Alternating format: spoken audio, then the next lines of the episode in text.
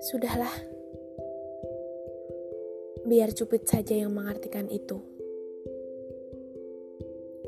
Aku menyudahi bimbangku. Aku beranjak dari kasur, mengambil tas yang tergantung pada tembok putih di sebelah kiri. Aku pergi. Ucapku mengakhiri pertemuanku.